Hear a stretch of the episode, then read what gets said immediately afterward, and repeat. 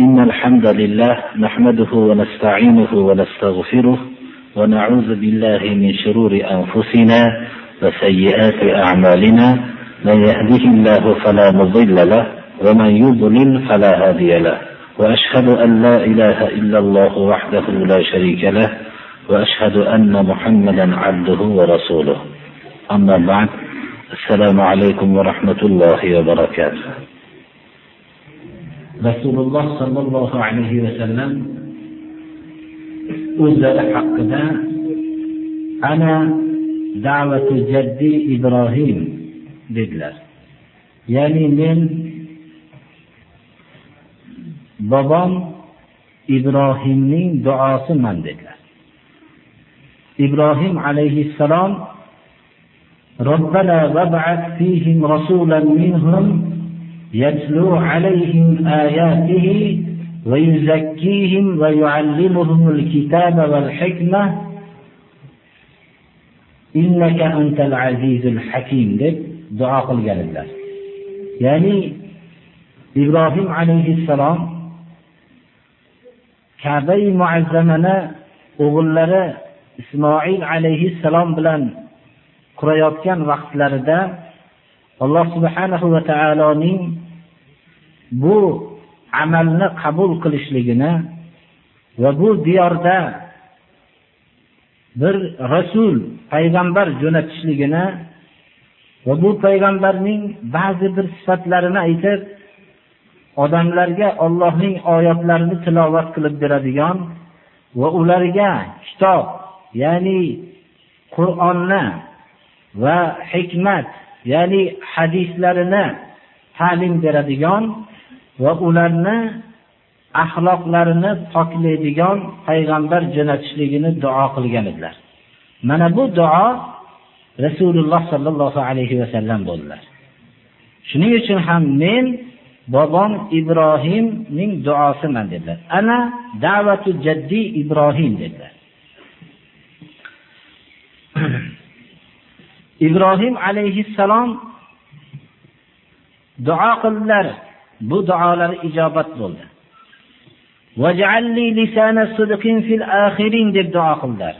Meni kelajak avlodda yaxshi nom bilan tilga olishlikni menga nasib qilgin dedilar. Bu duolar ham ijobat bo'ldi. Biror bir kishi yo payg'ambar yo'qki magar bir toifa muhabbat qiladi ikkinchi bir toifa adovat qiladi. Ammo ibrohim alayhissalomga hamma millat muhabbat qiladi. Hatto islomning ashaddiy dushmanlari bo'lgan yahudlar ham ibrohim alayhissalomni yaxshilik bilan tilga oladi. Alloh subhanahu va taolo ibrohim alayhissalomning duosini ijobat qildi. Ibrohim alayhissalomning duolari ijobat bo'lishligi alloh subhanahu va taolo o'zining do'sti ibrohim alayhissalomni qattiq imtihon qildi. Uzoq vaqt farzand ko'rmagan na o'g'il na qiz farzand ko'rmagan o'zining do'stiga qarigan vaqtida farzand berdi. Qarigan vaqtidagi farzand hayotning ba'zi bir holatlardan ham sezishlik mumkin. Inson farzanddan umidsiz bo'lgan vaqtda undan keyin umidi uzilgan vaqtdagi ko'rgan farzand unga nisbatan ota onaning mehri balandroq bo'ladi. Ana shu vaqtda farzandning eng shirin vaqti g'ulom arab tilida g'ulom ya'ni endi o'zining atrofida chopib ba'zi bir yengil xizmatlarini bajarib yuradigan vaqti bo'ladi.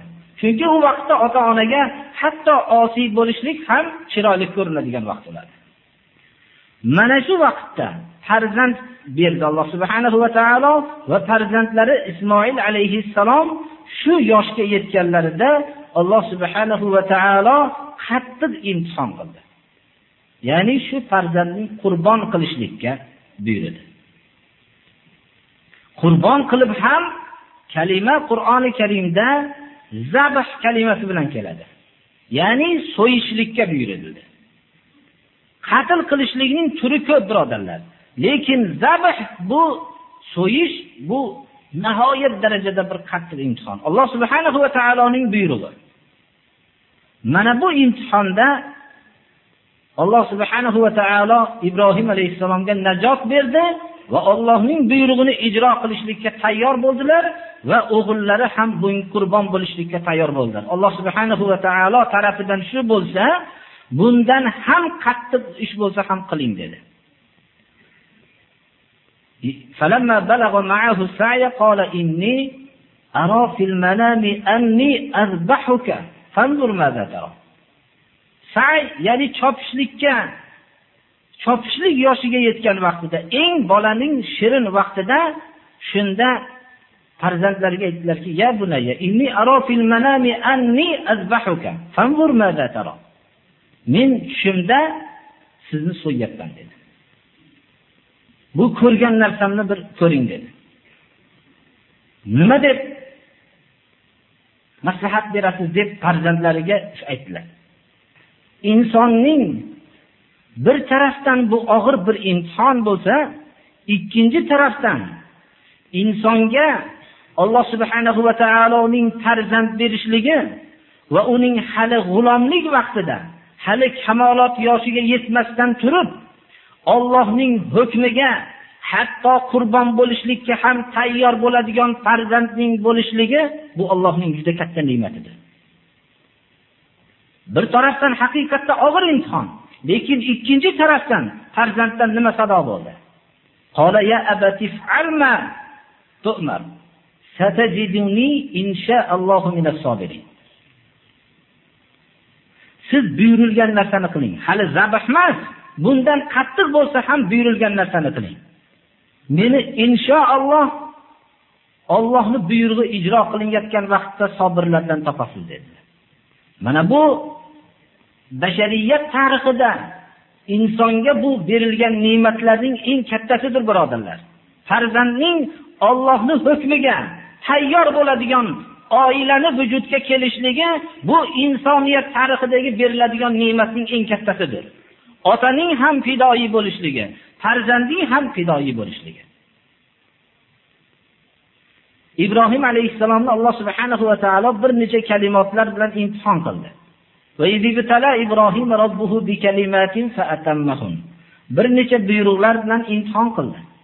Buni kamoliga yetkazdilar. Alloh subhanahu va taoloning huzuridagi imtihon bosqichidan o'tdilar. Bu kalimatlar hammamizga ma'lum. Bu kalimatlar ashrun minal fitrah deb Rasululloh sollallohu alayhi vasallamning hadisi muboraklarida kelgan 10 ta islomdagi sunnat amallar.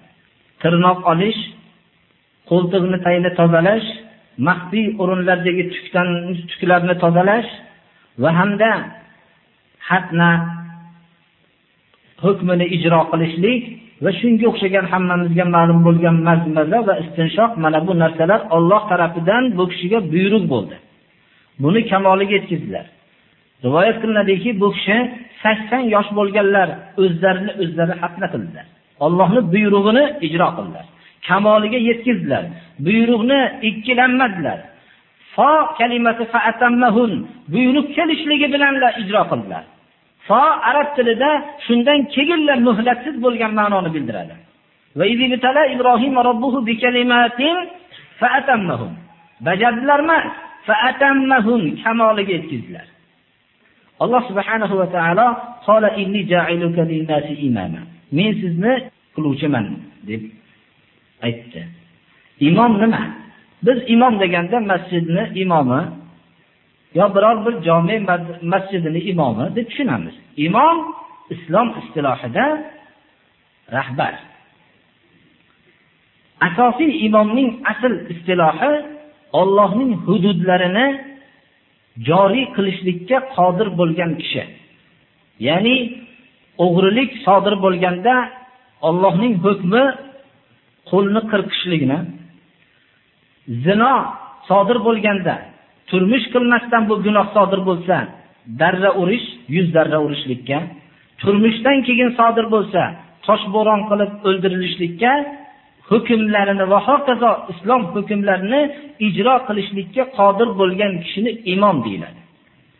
Men xalqlar ustida sizni imom qilmoqchiman dedi to'g'ri imomning boshqa ma'nosi ham bor imom ana shunday imom ya'ni sulton xalifa musulmonlarning xalifasi namozga o'tuvchi kishi haq shu kishiniki bo'lgan shuning uchun odatda namozga o'tgan kishini ham imom deb atalib qolgan va yana imom ربنا هب لنا من أزواجنا وذرياتنا قرة أعين واجعلنا للمتقين إماما Xudoyo bizlarni ko'zlarimiz xursand bo'ladigan farzandlar bizga juftlarimizni ko'zimiz xursand bo'ladigan juftlar ato qilgan. Ya'ni farzand Allohning buyrug'iga bo'ysungan, insonning jufti Allohning buyrug'iga bo'ysungan juftini ko'rishlik mu'min odamning ko'zini quvontiradi. ko'zimiz xursand bo'ladigan farzandlar va juftlar ato qilgin deganni ma'nosi o'zingni hukmingga bo'ysunadigan farzand va juftlar ato qilgin degani mo'min kishining xursandligi shun bilan bo'ladi bizlarni o'z Allohdan qo'rqgan muttaqillarga imom qilgin deb duo qilishlikka ma'murmiz Allohning ibadur rahmon sifatining bittasi shu rahmon taoloning bandalarini sifatlaridan bittasi shunday duo qilib Allohga yolvoradi. Demak, har birimiz biz imommiz. Uyda imommiz. Allohdan so'raylikki, muttaqillarga imom bo'lishligini. Ya'ni oiladagi hamma kishilar Allohdan qo'rqadigan kishilar bo'lsin biz shularga rahbar bo'laylik. Chunki yawma yad'u kullu unasin bi imamihim. Har bir qiyomat kunida odamlarni o'zlarining imomi bilan chaqiradi. siz bir toifani ergashtirasiz o'zingizga boshqalar o'zini bir toifani o'ziga ergashtiradi ular o'zining fikrini sahih deb e'lon qiladi va o'ziga odamlarni ergashtiradi. Dinsizlar o'ziga jamoalarni chaqiradi. O'zining yo'li haq deydi. Shirk amallarni qilayotganlar o'zini yo'lini haq deb bir yo'lga chaqiradi. Butparastlar o'zini yo'liga bir toifani chaqiradi. Hamma fohishabozlar o'ziga bir jamoani chaqiradi. Biz yo'limiz haq deydi. Bular deydi hayotning lazzatidan mahrum bo'lib yurgan odamlar deydi. Fohishabozlar ham o'zini yo'lini haq deydi. Mast qiluvchi ichimlikni ichib yurgan kashandalar bular hammasi o'zining yo'lini haq deb o'ziga jamoa to'playdi qayerga borsangiz kashandalar bir joyda o'tiradi. Mast qiluvchi ichimliklar ichganlar bir alohida o'tiradi. Va o'zining har bir odam o'zining toifasini yo'lini haq deb o'ziga bir jamoa to'playdi va u jamoaning imomi bor. Har bir jamoani qiyomat kuni alloh subhanahu va taolo shu imomi bilan chaqiradi. Shular haqiqiy imom haq yo'ldagi rahbar o'zining jamoatini haqni e'lon qilib u jamoani o'ziga ergashtirib jannatga yetalab ketadi. Botil jamoani rahbari o'zining botil jamoasini jahannamga o'tin bo'lishlik uchun yetalab ketadi. Mana bu narsa har bir jamoa o'zining imomi bilan alloh subhanahu va taolo chaqiradi. Shuning uchun mas'uliyat mana alloh subhanahu va taolo men sizni imom qilaman dedi. Men shu yerda bir nuqtani aytishlik uchun ibrohim alayhissalomdan so'zni boshladi. Ibrohim alayhissalom imtihon bosqichini bosib o'tdilar. Kabai muazzamani qurdilar va duo qildilarki ey Rabbim, shu kabai muazzama qurilgan diyorlarda bir rasul jo'natginki bu rasulning sifatlarining ba'zisi o'zingning kitobingni tilovat qilib beradigan hikmat o'rgatadigan kitobni o'rgatadigan va ularning axloqlarini poklaydigan payg'ambar jo'natgin deb duo qildi alloh subhanahu va taolo tarafidan bo'lgan ijobatda qur'oni karimda uch joyda vallohu alam keladi birinchisi surai baqarada كما أرسلنا فيكم رسولا منكم يتلو عليكم آياتنا ويزكيكم ويعلمكم الكتاب والحكمة mana bu oyat ikkinchisi sura oli imronda. لقد من الله على المؤمنين إذ بعث فيهم رسولا منهم يتلو عليهم آياته ويزكيهم ويعلمهم الكتاب والحكمة uchinchisi sura jumada. هو الذي بعث في الأميين رسولا منهم يتلو عليهم آياته ويزكيهم ويعلمهم الكتاب والحكمة إبراهيم عليه السلام من دعاء لرده ربنا وابعث فيهم رسولا منهم يتلو عليهم آياتك ويعلمهم الكتاب والحكمة ويزكيهم kitob va hikmatning ta'limi avval kelib yuzakkihim tazkiya axloqlarning pokizalashlik keyin keladi ammo alloh subhanahu va taolo o'zining bu duoni ijobat qilib o'zi islom ummatiga muhammad alayhissalomning jo'natganligini minnat qilgan o'rinlarda va yuzakkihim avval kelib va yuallimuhumul kitaba val hikmah kalimasi keyin keladi. Kitob va hikmatning ta'limi axloqlarning pokizalangandan keyin ekanligi bayon bo'ladi. Bu hammamizga ham diqqatga bir sazovorki avval inson o'zining poklamaguncha unga kitob va hikmat ya'ni qur'on va hadisning ta'limini manfaati bo'lmaydi. Agar inson o'zining axloqini birinchi shirk marazidan poklagandan keyin kitob va hikmatning unga ta'limini foydasi bo'ladi. Shuning uchun ham abdulloh ibn masud roziyallohu anhu aytadilarki biz avval iymonni o'rgandik keyin qur'onni o'rgandik. Iymonni o'rganish ya'ni iymon nima tavhid nima shirk nima bu narsani o'rganishlik inson o'zining shirk najasidan poklashlikdir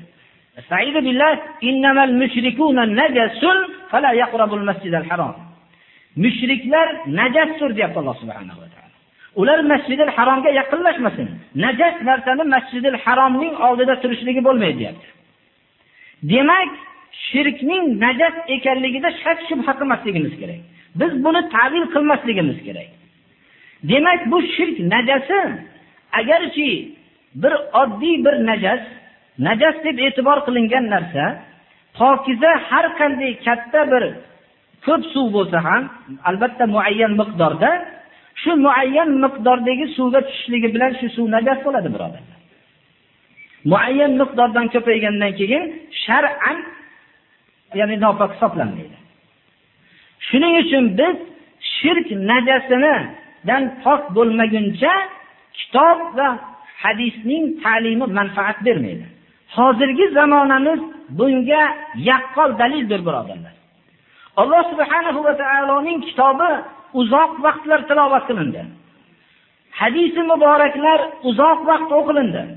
Lekin insonlar shirk nima ekanligini bilishmagunlaricha u kitob va sunnatning o'qilinishligi shirk majlislarida o'qilib keldi birodarlar.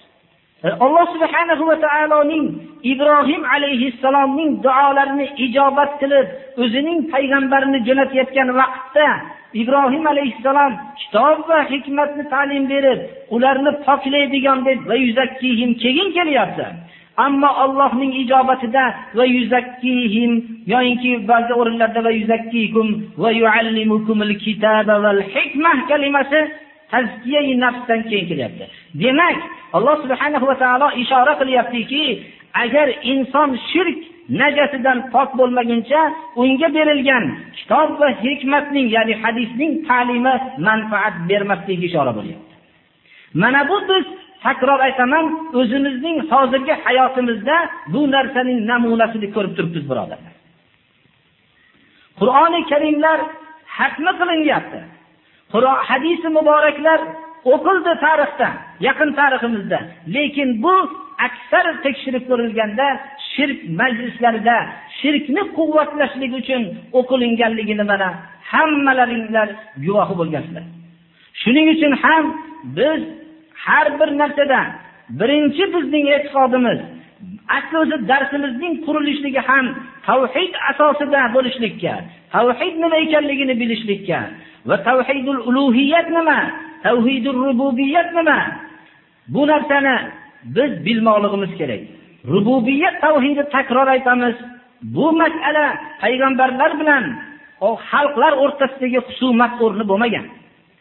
Tavhidul xuluqiyat ham bu husumat o'rni bo'lmagan. Ya'ni ollohni hamma bor deb e'tiqod qilgan.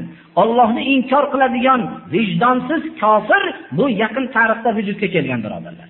Shuning uchun ollohni bor deb e'tiqod qilishgan alloh subhanahu va taoloning rizq beruvchi sifatiga isbot qilishgan mushriklar va Allohni koinot yerni yaratgan deb bilishgan.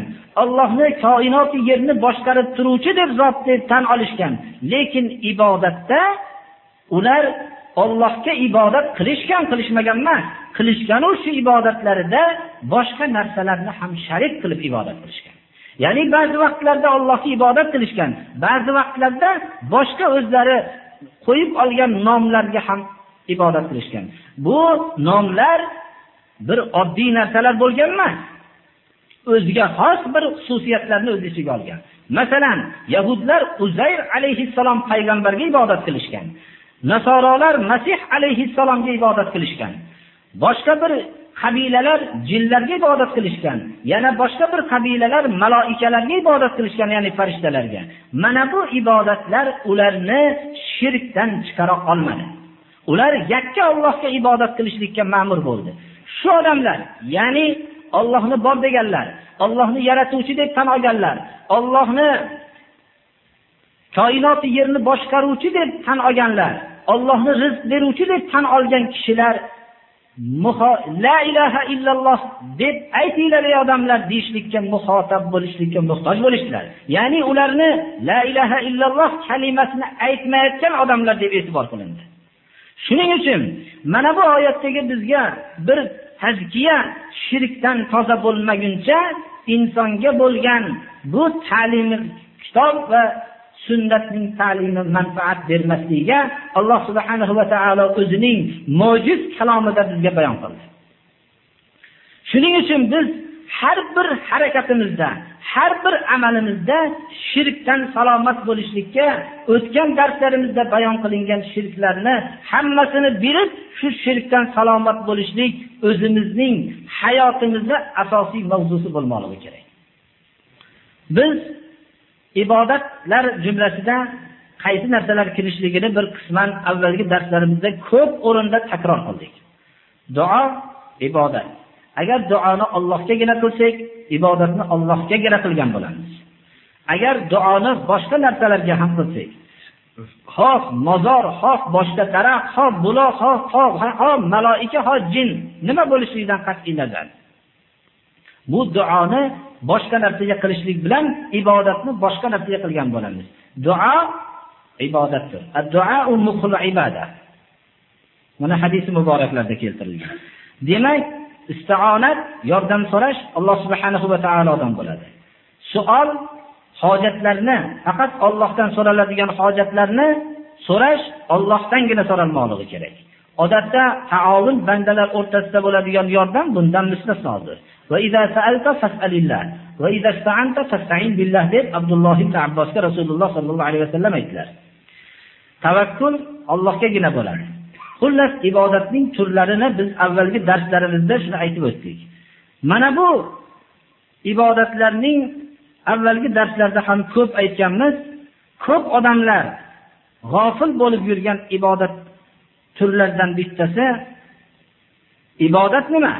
Allohning shariatiga bo'ysunishlik va Allohning hukmlariga bo'ysunishlik. Ki Alloh subhanahu va taolo bu hukmlari bilan halol narsalarni halol qildi, harom narsalarni harom qildi. Va farzlarni bizga vazifa qildi, hududlarni ijro qildi. Hududlariki jinoyat vaqtida qaysi bir hukmlar bo'lsa, bu narsalarga bizni bo'ysunishligimiz ibodatdir. Kimki Alloh subhanahu va taolo tarafidan bo'lgan hukmlarni qabul qilmasa, bu hukmlarga bo'ysunmasa, ibodatdan bosh tortgan bo'ladi. Agar odamlar tarafidan o'ylab chiqqan hukmga bu yo'llarga bo'ysunsa ibodatni shu o'ylab chiqqan odamga qilayotgan bo'lib shirk amali bo'ladi. Ibodatning biz bu turini aytib o'tganmiz ammo bu haqda bir to'xtalib o'tishlikka agar kimda kim xalqlar ichida biror bir kishi o'zi xohlagan buyruqni xohlagan hukmni tuzishlikka haqqim bor deb da'vo qilsa halol qilishlik ixtiyori menda desa bir narsani harom qilishlik ixtiyori menda desa alloh subhanahu va taolo tarafidan bo'lgan hukmni tashlab bu o'zining haddidan o'tib o'zini rab va iloh deb da'vo qilishlikdan boshqa emas agarki so'z bilan aytmasa ham. Agar kimda kim ho bilib aytsin ho bilmasdan aytsin. Kimda kim shu hukmni qabul qilsa va uning yuborgan hukmini ya'ni shariatga zid bo'lgan hukmini qabul qilsa ibodatni shu odamga qilganlikdir. Xoh bilsin xoh bilmasin.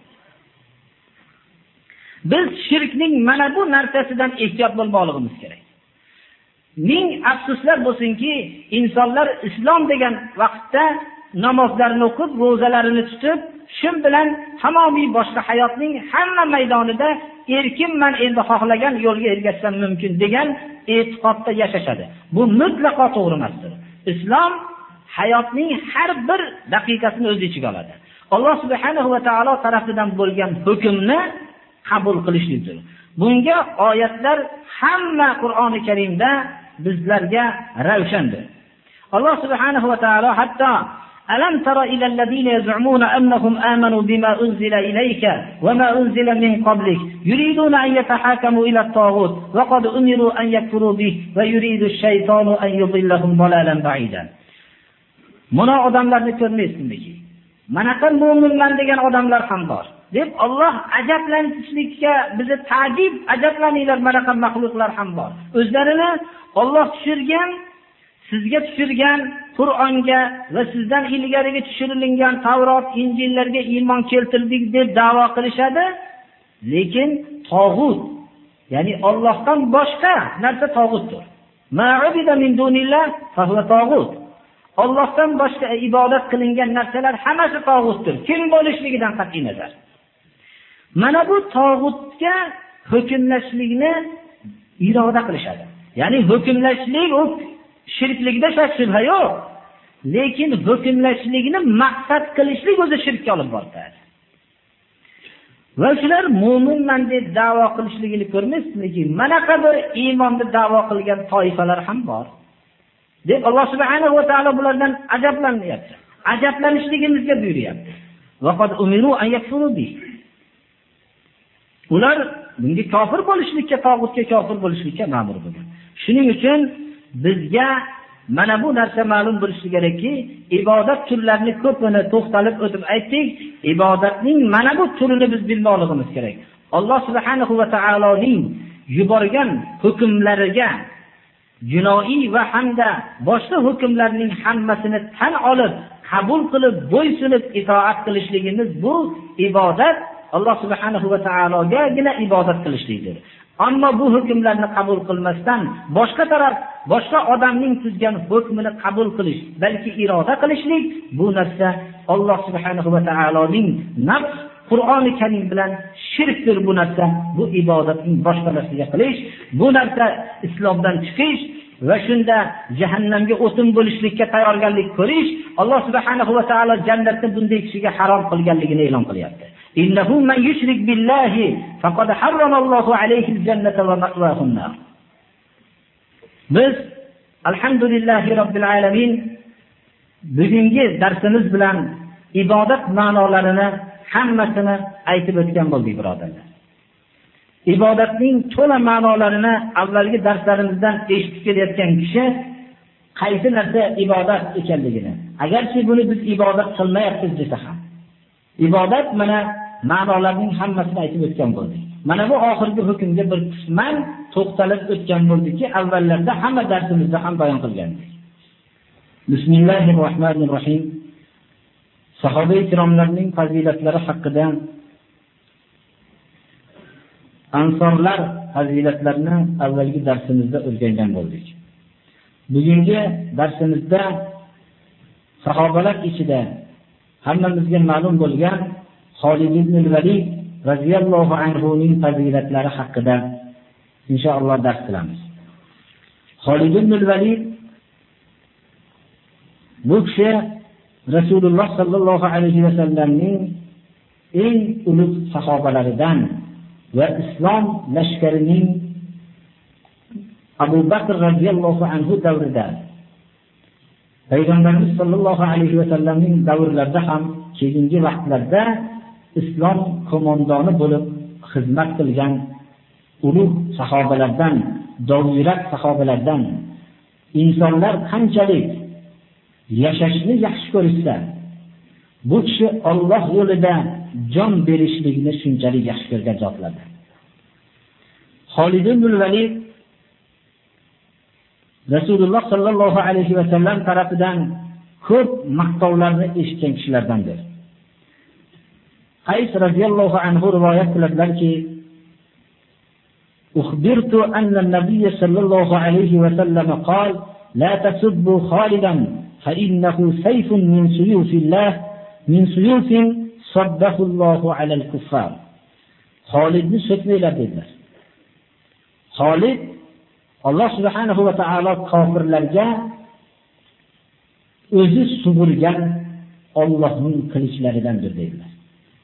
Ya'ni sayfun min suyufillah Allohning qilichlaridan bir qilichdir Xolid ibn dedilar. Buni kofirlarga sug'urgan Alloh subhanahu va taolo.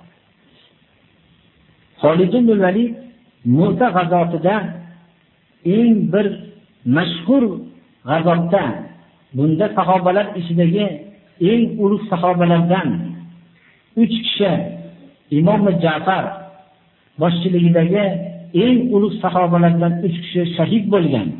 Rumning mislsiz, sonsiz, sanoqsiz bo'lgan lashkariga duchor bo'lganda musulmonlarning halokatidan, musulmonlar halok bo'lishligidan saqlanishliklariga sabab bo'lib, o'zlarining harbiy mahoratlari bilan islom lashkarini najotiga sabab bo'lgan ulug' sahobalardandir. Bu kishi shu Mu'ta g'azotida o'zlari haqida hikoya qilib aytadilarki, Qays radhiyallohu anhu rivoyat qiladilar, سمعت خالد بن الوليد يحدث القوم بالحيرة قال bil hayra." Qala: المؤتة ra'aytuni yawma بيدي تسعة أسيات وصبرت tis'atu wa sabarat safihatun li yamaniyya." Mu'ta g'azotida meni qo'limda 9 ta qilich sinib ketdi dedilar. Va qo'limda o'zimning yamoniy bir qilichim chidab turdi xolos degan ekanlar. Xolid ibn Validdan Ibn Numayr rivoyat qiladilarki, bu kishidan eshitdim dedilar Xolid ibn Validdan ya'ni aytganliklari laqad mana'ani katiran min al-qira'ah qala ibn Numayr min al-Qur'ani al-jihad fi sabilillah. Alloh yo'lidagi jihad qilishlik men ko'p tilovatdan meni to'sib qo'ydi dedilar. Ya'ni to'xtamsiz men Alloh yo'lidagi jihad bilan mashg'ul bo'lib, ko'p vaqtlarda Qur'onning tilovatidan to'xtab qoldim dedilar. Xolid ibn Valid bir Allohga mutavakkillik bilan mashhur bo'lgan sahobalardan. Ummul Maroziba Xolid ibn Valid Bani Ummul Maroziba degan qabilaga tushdilar. Faqalu shunda aytdilarki, odamlar Xolidun ibn Validga sunna summa la yasqikahum aajin. Sizni bir zahar ichirib qo'yishmasin, ehtiyot bo'ling. Bular sizni qattiq makr hiyla qilishmoqchi, zahar ichirib qo'yishmasin dedilar. Faqala ituni bihi. Shu zaharni olib kelinglar dedilar. Fa utiya minhu bi shay'in zaharni olib kelishdi. فأخذه بيده ثم اقتحمه وقال بسم va qala bismillah شيئا yadurruhu shay'an. Zaharni olib kelindi, olib kelib qo'llar bilan ushlab turib, shunday ko'tarib ichvordilar. Bismillah dedilar, biror narsa bu kishiga zarar qilgani yo'q. Sahobalar ichidagi Xolid ibn Valid jangda shahid bo'lmadilar. Ko'rpalarini ustida yotib jang vafot qildilar. Ko'p yig'ladilar. Hayotimda bir qarich bir masofa jasadimda bir qarich o'rin yo'qki, yo qilich yemagan, yo nayza kirmagan, yo kamon kirmagan o'rin yo'q u tuya o'lgandek uyimda o'lyapman deb qatdan ekanlar xatlarning butun dushmanlarga yozgan xatlarida shundayki islom keltiringlar birodarimiz bo'lasizlar agar islom keltirmasanglar jizya to'laysiz. Shu bilan sizlar o'zingizlarni salomat olib qolasizlar agar bizga qarshi tursanglar jang qilmoqchi bo'lsanglar men bir odamlar bilan turibmanki hayotni sizlar qanday yaxshi ko'rsanglar Alloh yo'lida o'lishlikni shunday yaxshi ko'radigan odamlar bilan turibman deb xat yozadilar.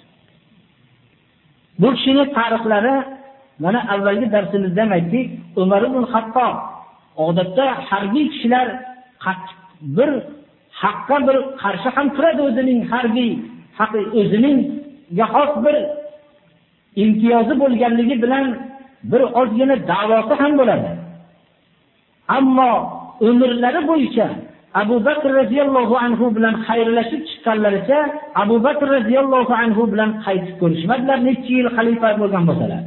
Maktub keldi umar ibn hattobning xalifa bo'lganligini bayon qilingan va shu maktubda Xolid ibn Valid bo'shatilib o'rnlariga Abu Ubayda Omir ibn Jarrohni harbiy qo'mondon bo'lgan maktubi keldi Shunda jang oxirroq qolishlikka oz qolgan edi. Shunda bu kishi maktubni ushlab turdilarda, e'lon qilmasdan shahid ketmasligi uchun Abu Bakr radhiyallohu anhu ning vafoti ta'sir ta'sir qilib, jangchilar shahid ketmasligi uchun e'lon qilib turdilar. Va jang tugagandan keyin Abu Ubaydani chaqirib, maktubni ko'rsatdilar. Hammalari Abu Bakr radhiyallohu anhu ning vafotini bilishdi, g'amgin bo'lishdilar. Va shu daqiqada e'lon qilmagan soatda o'zlari qo'mondonlikni topshirmaganliklari uchun Abu Ubaydaga uzr aytdilar. Shunchalik harbiy odamda insofning bu darajada bo'lishligi faqat islom iymon qalbida mustahkam bo'lgan odamgagina nasib bo'lishligi mumkin. Bizning islomda birovning rahbar bo'lishligi uchun maxsus bunday moli davlatlar targ'ib qilishgan emas. Odamlarni targ'ib qilgan emas o'zini rahbar bo'lishligiga. Ular rahbar bo'lishlikdan o'zlarini chetga olishganlar, buni mas'uliyat deb bilishganlar. Hatto mana bunday soatlar bitta maktub bir qog'oz kifoya qilgan o'zining xalifasi tarafidan kelgan maktub o'zi kifoya qilgan. Islom tarixi bunday narsa voqealar bilan juda ko'pdir. Boshqa islomda bo'lmagan kishilar va islom hayotini ko'rmagan kishilar biz ham ko'rmadik, lekin qalbimizda ko'rib yashayapmiz, birodarlar. Tariximizdan islomimizni nimaligini bilamiz. Ammo islomga qarshi tarbiyalarni ko'rgan odamlar yoki islomdan chetda yashagan odamlar bunga ishonmasliklari mumkin. Chunki ularning tarixida ham, voqei hayotlarda ham buning birorta misoli yo'q va bo'lishi mumkin ham emas. Sa'd ibn muaz radhiyallohu anhu ning fazilatlari. Sa'd ibn Muaz ansorlardan. Abu Bakr radhiyallohu anhu muhojirlar ichida qanchalik hurmat qozongan bo'lsalar, Sa'd ibn Muaz ham ansorlar ichida xuddi Abu Bakr muhojirlar ichida bo'lgandaqa shunday hurmatga ega edilar. Rasululloh sallallohu alayhi va sallam aytdilarki, "Laqad istazza arshullohi azza va jalla li mawti Sa'd ibn Mu'az." Allohning arshi Sa'd ibn Mu'azning vafotiga titradi degan ekan. Payg'ambarimiz sollallohu alayhi va sallamga Baro radhiyallohu anhu rivoyat qiladilarki, bir ipak libos olib kelindi. oldilariga ko'tarib olib kelinganda ipak libos nihoyatda bir chiroyli go'zal libos edi. Ular buning chiroyliligi va muloyimligini ko'rib ajablanisha boshlashdilar. Payg'ambarimiz sollallohu alayhi vasallam aytdilarki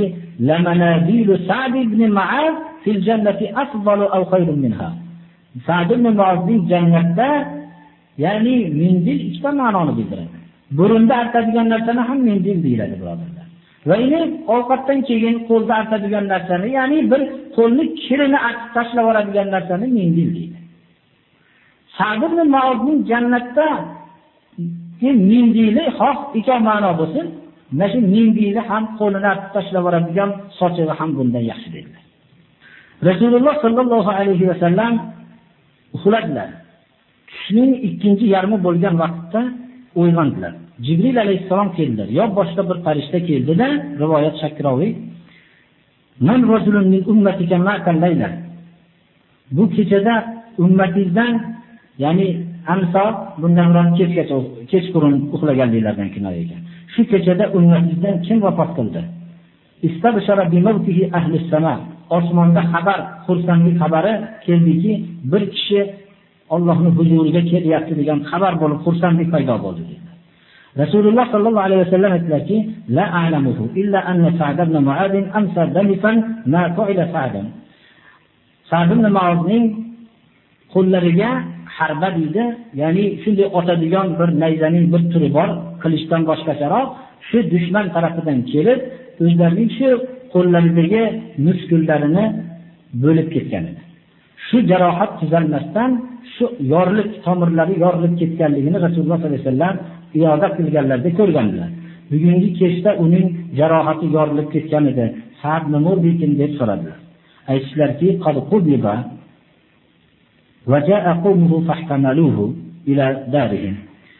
vafot qildi. Odamlar kelib uyiga ko'tarib ketishdi dedilar. Bu kishi hukmni sad ibn maozga bu yahudlar qabilasidan uchta qabilasidan bir qabila o'rtada husumat bo'lganda sad ibn maozning hukmiga rozi bo'lganliklari uchun kelgan edilar. Shu kelganlarda shu yerda vafot qildilarda va uylariga ko'tarib ketishdi deyishdilar. Rasululloh sallallohu alayhi vasallam ertalabki namozni o'qidilarda va chiqdilar odamlar piyoda yurishib ketishdilar. Hattoki oyoq kiyimlarining iplari bu oyoqlardan uzilib tushib qoladigan darajada shoshilishdi. Ridolari ham bir ba'zi eski ridolari uzilib tushib qolardi. Shunda bir kishi yo rasululloh odamlarni qiynalib ketdi tez yurishib deganlarda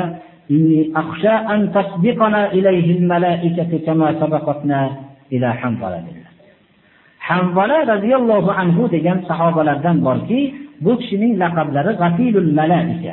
Farishtalar yuvgan deb laqablanadi.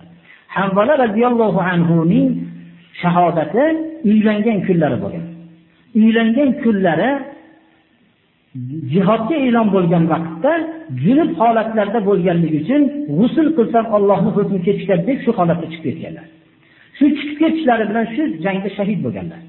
Shahid bo'lganlarda Rasululloh sollallohu alayhi vasallamga vahiy keldiki, Hanzala falon quduqni oldida turibdi degan. Payg'ambarimiz sollallohu alayhi vasallam odam jo'natdilar, Hanzalani boringlar olib kelinglar dedi. Borishsalar hammalar joylari ho'l, yuvilgan holatda turibdilar.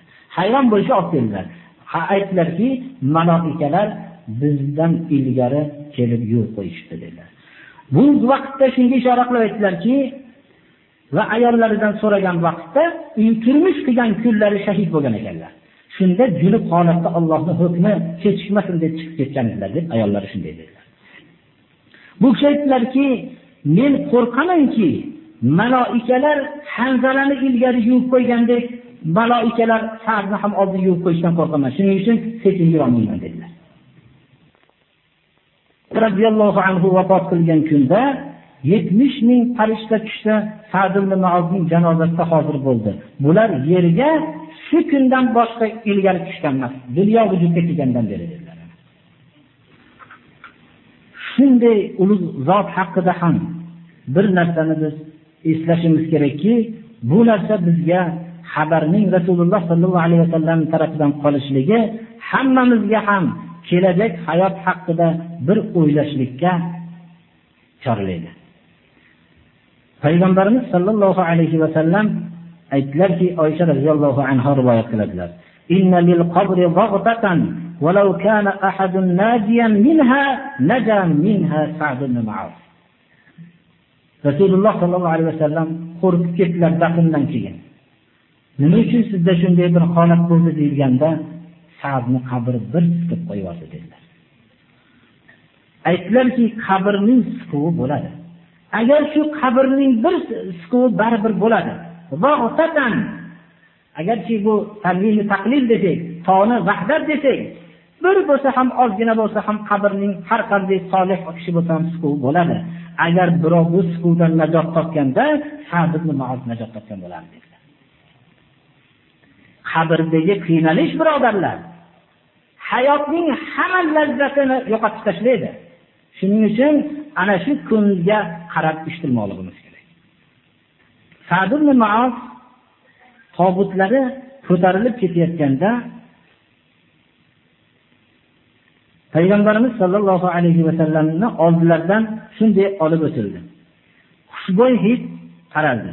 Sadni ruhi ketyapti dedilar. Jasadlari hali turgan vaqtida ekan bu narsa.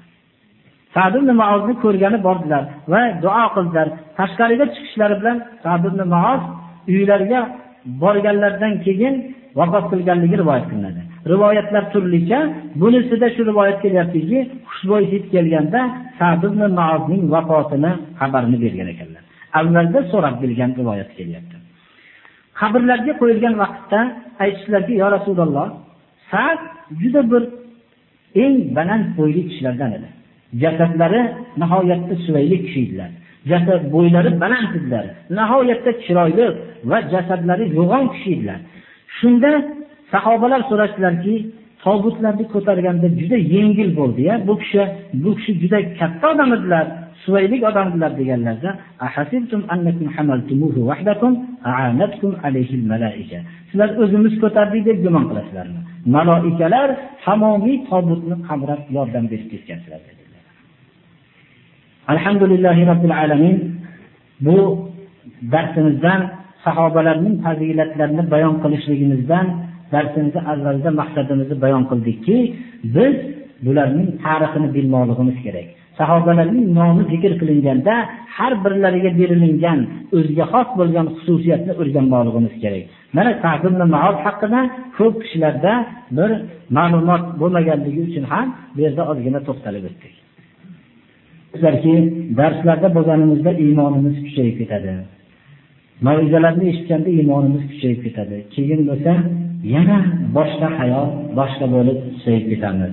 Shuni qanday qilib shu holatdan o'zimizni ushlab turishimiz kerak? Deb savol qildilar bu narsa rasululloh sollallohu alayhi vasallamning oldiga sahobalarning bittalari nomlari esimga kelmayapti. Hozir keldilarda yo rasululloh falonchi munofiq bo'ldi dedi. O'zini aytib nimaga? dedilar sizni oldingizda bo'lganimda jannatga moyil bo'lib jahannamdan qo'rqib xuddi bir jannatni ko'rgandek jahannamni ham ko'rib o'zimni ehtiyot qilayotgandek bo'lamanu uyga kirishim bilan yana bola chaqalar boshqa tashvishlar bilan birga bo'lib ketaman. Bu munofiq hayot bu menga. Ikki xil hayot qilyapti menga hozir munofiq bo'lsam jazoni qo'llang deb ketdi aytdilarki amal qilinglar ya'ni bu narsa bu nifoq emas dedilar.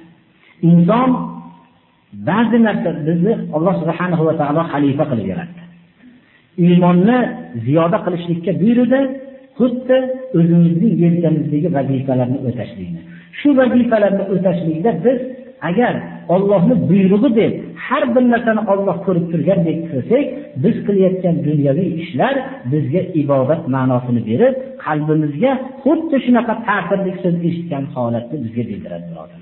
Shuning uchun biz har bir amalimizni Allohning rizosi uchun qilishlikka odatlanmoqligimiz kerak.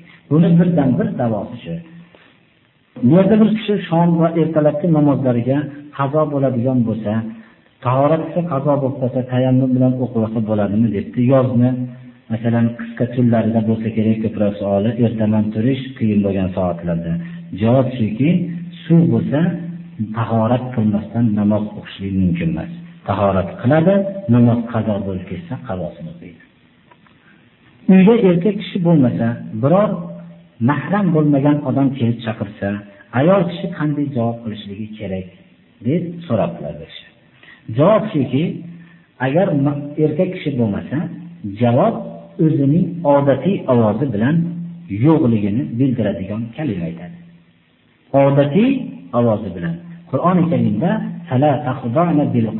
oyati rasululloh sollallohu alayhi vasallamning ayollarga xitob bo'ldiki ovozinglarni ingichka qilib mayin qilib xitob qilmanglar.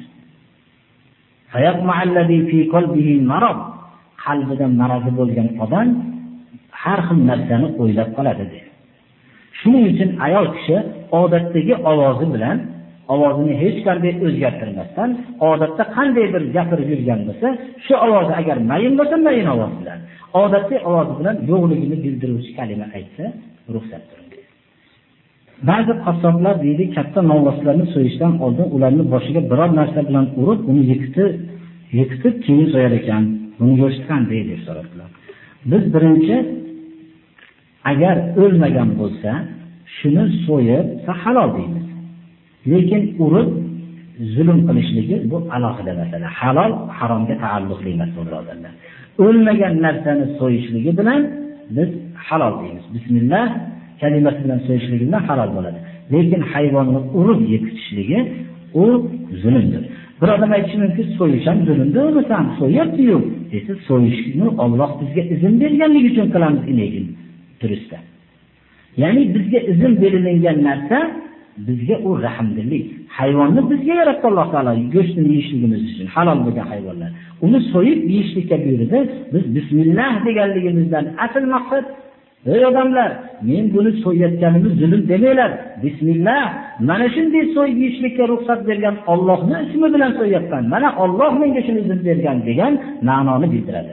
Bismillah deganimiz olloh bizga mana shuni so'yib yeyishlikka ruxsat bergan. Shuning uchun bu zulm emas degani shu Alloh bizga urushlikka ruxsat bermadi. Hatto so'yishdan ilgari shu pichoqni yaxshi qayrab uning ko'rmaydigan tarafidan kelishlikka bizga buyurdiki bu narsa shay. darsimiz avvalda aytganmiz Alloh ihson yaxshilikni har bir narsada kitobat qilgan farq qilgan lozim qilgan bizga vazifa qilgan. Mana bu so'yishlikdagi pichoqni yaxshi qayrab va ko'rsatmay borishlik ham bu ihson jumlasiga kiradi. Alloh muhsinlarni yaxshi ko'radi. Vaqt to'g'risida bir ma'lumot bersangiz debdi. savollar bugun ancha savollarga javob bo'lib qolyapti. Masalan unda odamni vaqt to'g'risida tushuncha berishligimizdan maqsadi ham bor ekan. Masjid joylarini to'sib ekin ekib yeyotgan odamlarga beriladigan mukofot masalasida nima qanday hukmlar chiqarish mumkin? Vaqt degani shu masjidga vaqt degani. Shu masjidning vaqt sharti bo'ladi. Shu vaqtdan masalan bir vaqt qiluvchi odam yozsaki shu masjidda xizmat qilgan odamlar shu vaqtdan yeydi. O'ziga yarim miqdorini yeydi deb yozib ketgan bo'lsa shu masjidni yerini ekib yarmini olib yeb yuraveradi. Vaqtning shartiga qaraladi. Agar aytsaki bironta odam bu yerda yeyishi mumkin emas faqat masjidning obodonchiligi uchun sarf qilinadi deb shart qilingan bo'lsa bu vaqtning shartidagi ish buzilganligi uchun buni yeyishlik mumkin bo'ladi demak vaqt degani bir narsaga bog'lash. Masalan aytsaki bir kishi masjidga bir yerni vaqt qilib shuni faqat masjidning qorovullariga maosh qilib berilsin deb shartgan bo'lsa shuni beriladi masalan bir odam vaqtni bir o'zgartirishni haqqi yo'q. U o'zgartirmoqchi bo'lsa u ham bitta yer olib turib o'zini rayiga muvofiq vaqf qilaversin ana bu. Lekin birov qilib ketgan vaqtni o'zgartirishga haqqi yo'q. Shuning uchun ham qur'oni karim vaqf qilingan vaqtida e, shu narsa vaqfni ya'ni sotilmaydi deb vaqf qilingan. Sotilishligi mumkin emas deb vaqf qildimi? Uni yer yuzida bir podsho chiqsa shuni sotamiz. Shuni foydasini bir narsa qilamiz desa u odam vaqtning shartini buzgan. U odam ana shunday qilmoqchi bo'lsa bitta kitobni bu qur'onni bostirsinda shuni vaqt qilsinki shuni sotilsinda buni foydasini bunga sarf qilsin u avvalgi vaqtni o'zgartirishlikka haqqi yo'q. Shuning uchun ham bizni masjid jome madrasa masjidi ba'zi ulamolarning mana shunday nayranglarga qarshi turishgan. Hatto ba'zi odamlar bu narsadan maqtab bu nima ma'qul dedi to'g'ri o'zlari bitta narsani u o'zlarini raylariga muvofiqni o'zlari aytishgan. U biz faqat u yerda bir yozib qo'yilganki sal ziyrak odam bo'lsa tushunar axir. Ollohni yo'lida vaqf deb qo'yibdi. Degan. Lekin bizni tarafda sal farosati o'rtacharoq odamlar borligini ham bilib hadiyatul malik podshoni hadiyasi degan. Bu bilan aqlli odam o'zi tushunadi. Hadiyani sotmaydi. Ikkinchisida farosati o'rtacharoq odamlar ham bo'lib qolsa mana gapdan sal tushunishadi. Ikkinchisi bunday degan. Endi nihoyatda betam odamlar ham bor deb uni ham hisobga olib deb uchinchisini ham qo'shib qo'ygan. Sotishlik mumkin emas deb. Endi buni buyog'ida buni buyog'ida aqlli inson bo'lishi mumkin emas birodarlar. Bo'ladi. Aqlini faqat makr hiylaga ishlatishlik bo'lishi mumkin. Endi bundan ortiqcha bu yaqasidan ushlab olib turib sotishi mumkin emas deb aytgandan keyin ham sotish degani